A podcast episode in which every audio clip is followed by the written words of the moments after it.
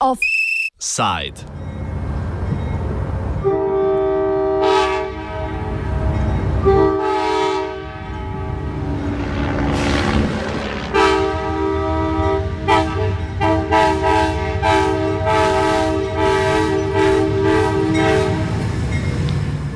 Južna železnica 2.0.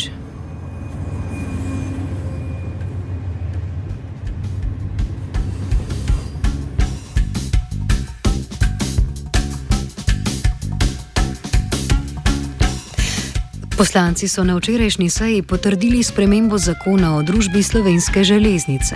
V nasprotju s trenutnim zakonom, ki določa, da so slovenske železnice lahko edini družbenik svojih čerinskih družb, sprememba omogoča, da slovenske železnice z deleži v čerinskih družbah razpolagajo v skladu s strategijo o upravljanju državnih naložb. V praksi to pomeni, da bodo lahko odprodale deleže v čerinskih družbah do največ 50 odstotkov minus ena delnica.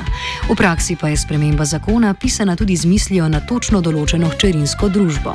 Pojasni Bogdan Zgonc iz fakultete za gradbeništvo. Bolj konkretno uh, gre pravzaprav ali pa prej lahko poštev samo tovorni promet slovenskih železnic, oziroma družba za tovorni promet. In ta je izmed hčerinskih družb slovenskih železnic tudi najbolj dobičkonosna. Kot najverjetnejši kupec se omenjajo avstrijske železnice, ki so sicer v 100-odstotni lasti države. Interes slovenskih železnic za odprodajo nekaj manj kot polovičnega deleža najbolje stoječega hčerinskega podjetja naj bi bil predvsem v dokapitalizaciji, ki bi omogočila širitev na tuje trge, predvsem na Balkan. Pojasni zgonc. Interes slovenskih železnic je dobiti strateškega partnerja, dobiti nov kapital, ki bi omogočil tudi ekspanzijo slovenskih železnic na eh, druge trge, zlasti je tle mišljen trgi bivše bivše Jugoslavije, torej v smeri uh, desetega koridorja. Uh, kar je možno, seveda, če imate zdrav, ustrezen kapital, ki ga pa imajo uh, neki strateški partnerji, v tem primeru je interes predvsem avstrijskih železnic za tako sodelovanje. Ker avstrijske železnice imajo kapital, imajo sredstva, ki jih slovenske železnice za tako ekspanzijo nimajo, Torej, Avstrijci imajo kapital uh, v, za kakšne naložbe, um, pač v primeru širitve na druge trge, uh, za kakšne naložbe? Lejte, tukaj so naložbe v vozna sredstva, ne na zadnje je tukaj lahko, predvsem v vozna sredstva, ker infrastruktura uh, je, je ločena, ne? ampak naložbe v vozna sredstva v tem smislu, da se tudi recimo pri večjih nakupih se dobi tudi ugodnejše cene. Uh, za vozna sredstva rabiš denar, to so vagoni, so lokomotive eh, in eh, seveda brez denarja se tega, te, tega ne da narediti.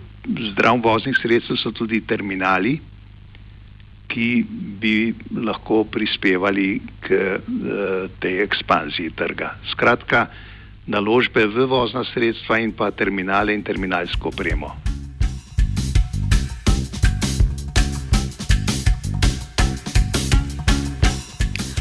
O višini investicij, ki bi bile potrebne za širitev na slovenskih železnicah, ne dajajo podatkov, saj naj še ne bi imeli analize, ta naj bi bila upravljena šele v drugi polovici letošnjega leta. Se je pa to vrstni promet slovenskih železnic samo med letoma 2013 in 2014, kar je zadnje obdobje, za katerega obstajajo podatki, na področju dolgoročnih kreditov razdolžil za približno 70 milijonov evrov. Poleg tega količina tovora solidno narašča. Zato Zdenko Lorber iz Zveze Svobodnih svobodnih sindikatov, alternativa in član sveta delavcev slovenskih železnic, ki priznava nujnost investicij v vozni park, meni, da bi sredstva za širitev lahko pridobili tudi z zadolževanjem. Jaz mislim, da, jaz mislim, da bi lahko. Ne. Jaz mislim, da bi lahko. Se je ta kreditni potencial slovenskih železnic v minulem letu tudi, oziroma v minulem obdobju tudi izboljšal.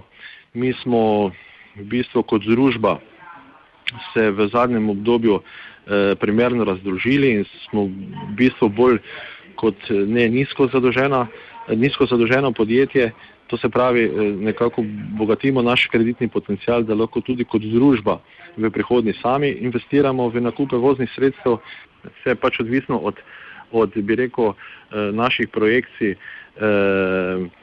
prevoženega števila ton. V zvezi s tem jaz mislim, da so naši in obstoječe poslovanje kjer smo v obdobju od leta 2009 do leta 2015 eh, obseg prepeljanega tovora dvignili za 4 milijone, to se pravi iz 14 na 18 milijonov ton. Tudi perspektiva nadaljne rasti je obetajoča, ne, nas, tudi naš ključni partner, to je Luka Koper, eh, ima v svojih, eh, v svojih hm, pač, eh, perspektivah eh, eh, ugodne trende, tako da jaz mislim, da na podlagi tega eh, smo, smo lahko tudi sami v stanju uh, investirati. Kakšen pa je interes avstrijskih železnic za vlaganje pri nas? Pojasni zgonc. Uh, ja, lejte, uh, avstrijske železnice so kupile pred nekaj leti že tudi mađarski uh, tovorni promet, tovorni promet mađarskih železnic. Ne?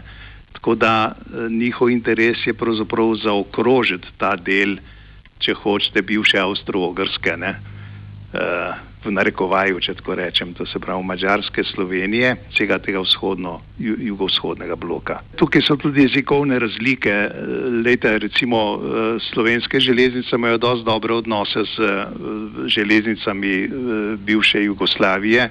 To se pravi, tukaj je znanje jezika, znanje predpisov jugoslovanskih oziroma nekdanjih predpisov teh republik oziroma sedanjih držav. To so prednosti, ki, imajo, ki jih imajo slovenske železnice. Tudi gre za eh, dobre odnose s posameznimi, eh, bom rekel, vodilnimi eh, partnerji na tem področju. To so prednosti, ki jih slovenske železnice imajo in ki jih seveda avstrijske železnice nimajo. Ne, torej, zato je interes tudi avstrijskih železnic, da sodelujejo s slovenskimi železnicami na tem prodoru.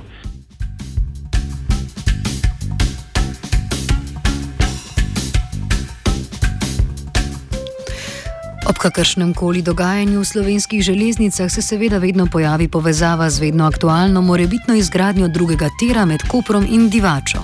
Je torej morebitni vstop avstrijskih železnic v slovenski železniški tovorni promet povezan z drugim tirom? Neposredno ne.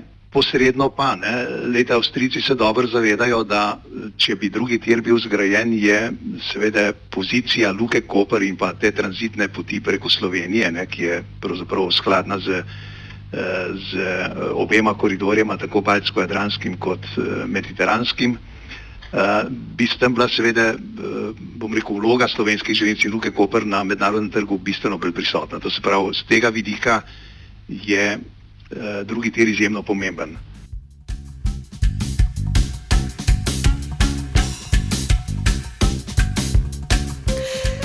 Vstop avstrijskih železnic bi torej lahko pomenil dodatni pritisk v smeri izgradnje drugega tira. Ulaganje v infrastrukturo je sicer ločeno od tovornega prometa in spada pod okrilje drugega hčerinskega podjetja slovenskih železnic. Kljub temu pa Peter Majcen iz Konfederacije sindikatov KS90 meni, da vpliv prodaje na omenjeni infrastrukturni projekt ni tako enoznačen. Avstrijskim lastnikom namreč ulaganje v infrastrukturo ni v poslovnem interesu, čeprav država z večinskim deležem v tovornem prometu prometu teoretično ohranja oblast nad delitvijo dobička. No, to sicer, to sicer matematično tako je, ne? vendar je potem vprašanje, kaj stoji, kaj stoji za tem. Tu, tu, mi, uh, tu mi uh, ne bi rad špekuliral, ampak scenariji so lahko tako pozitivni kot negativni. To je zdaj zelo vprašljivo odnos in če, če bodo recimo pritiski, da se gre v izgradnjo drugega tira in tako dalje, je to lahko, je to lahko pozitivno, lahko so pa tudi drugačni.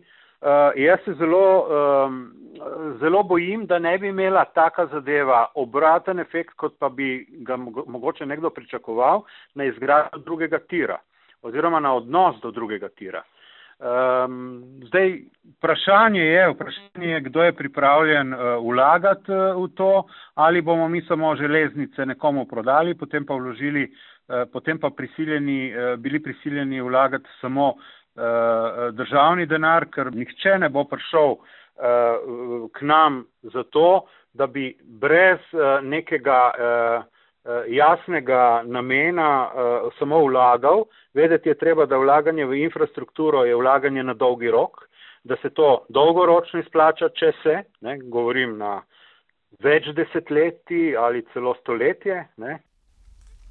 Offside je pripravil Twitter.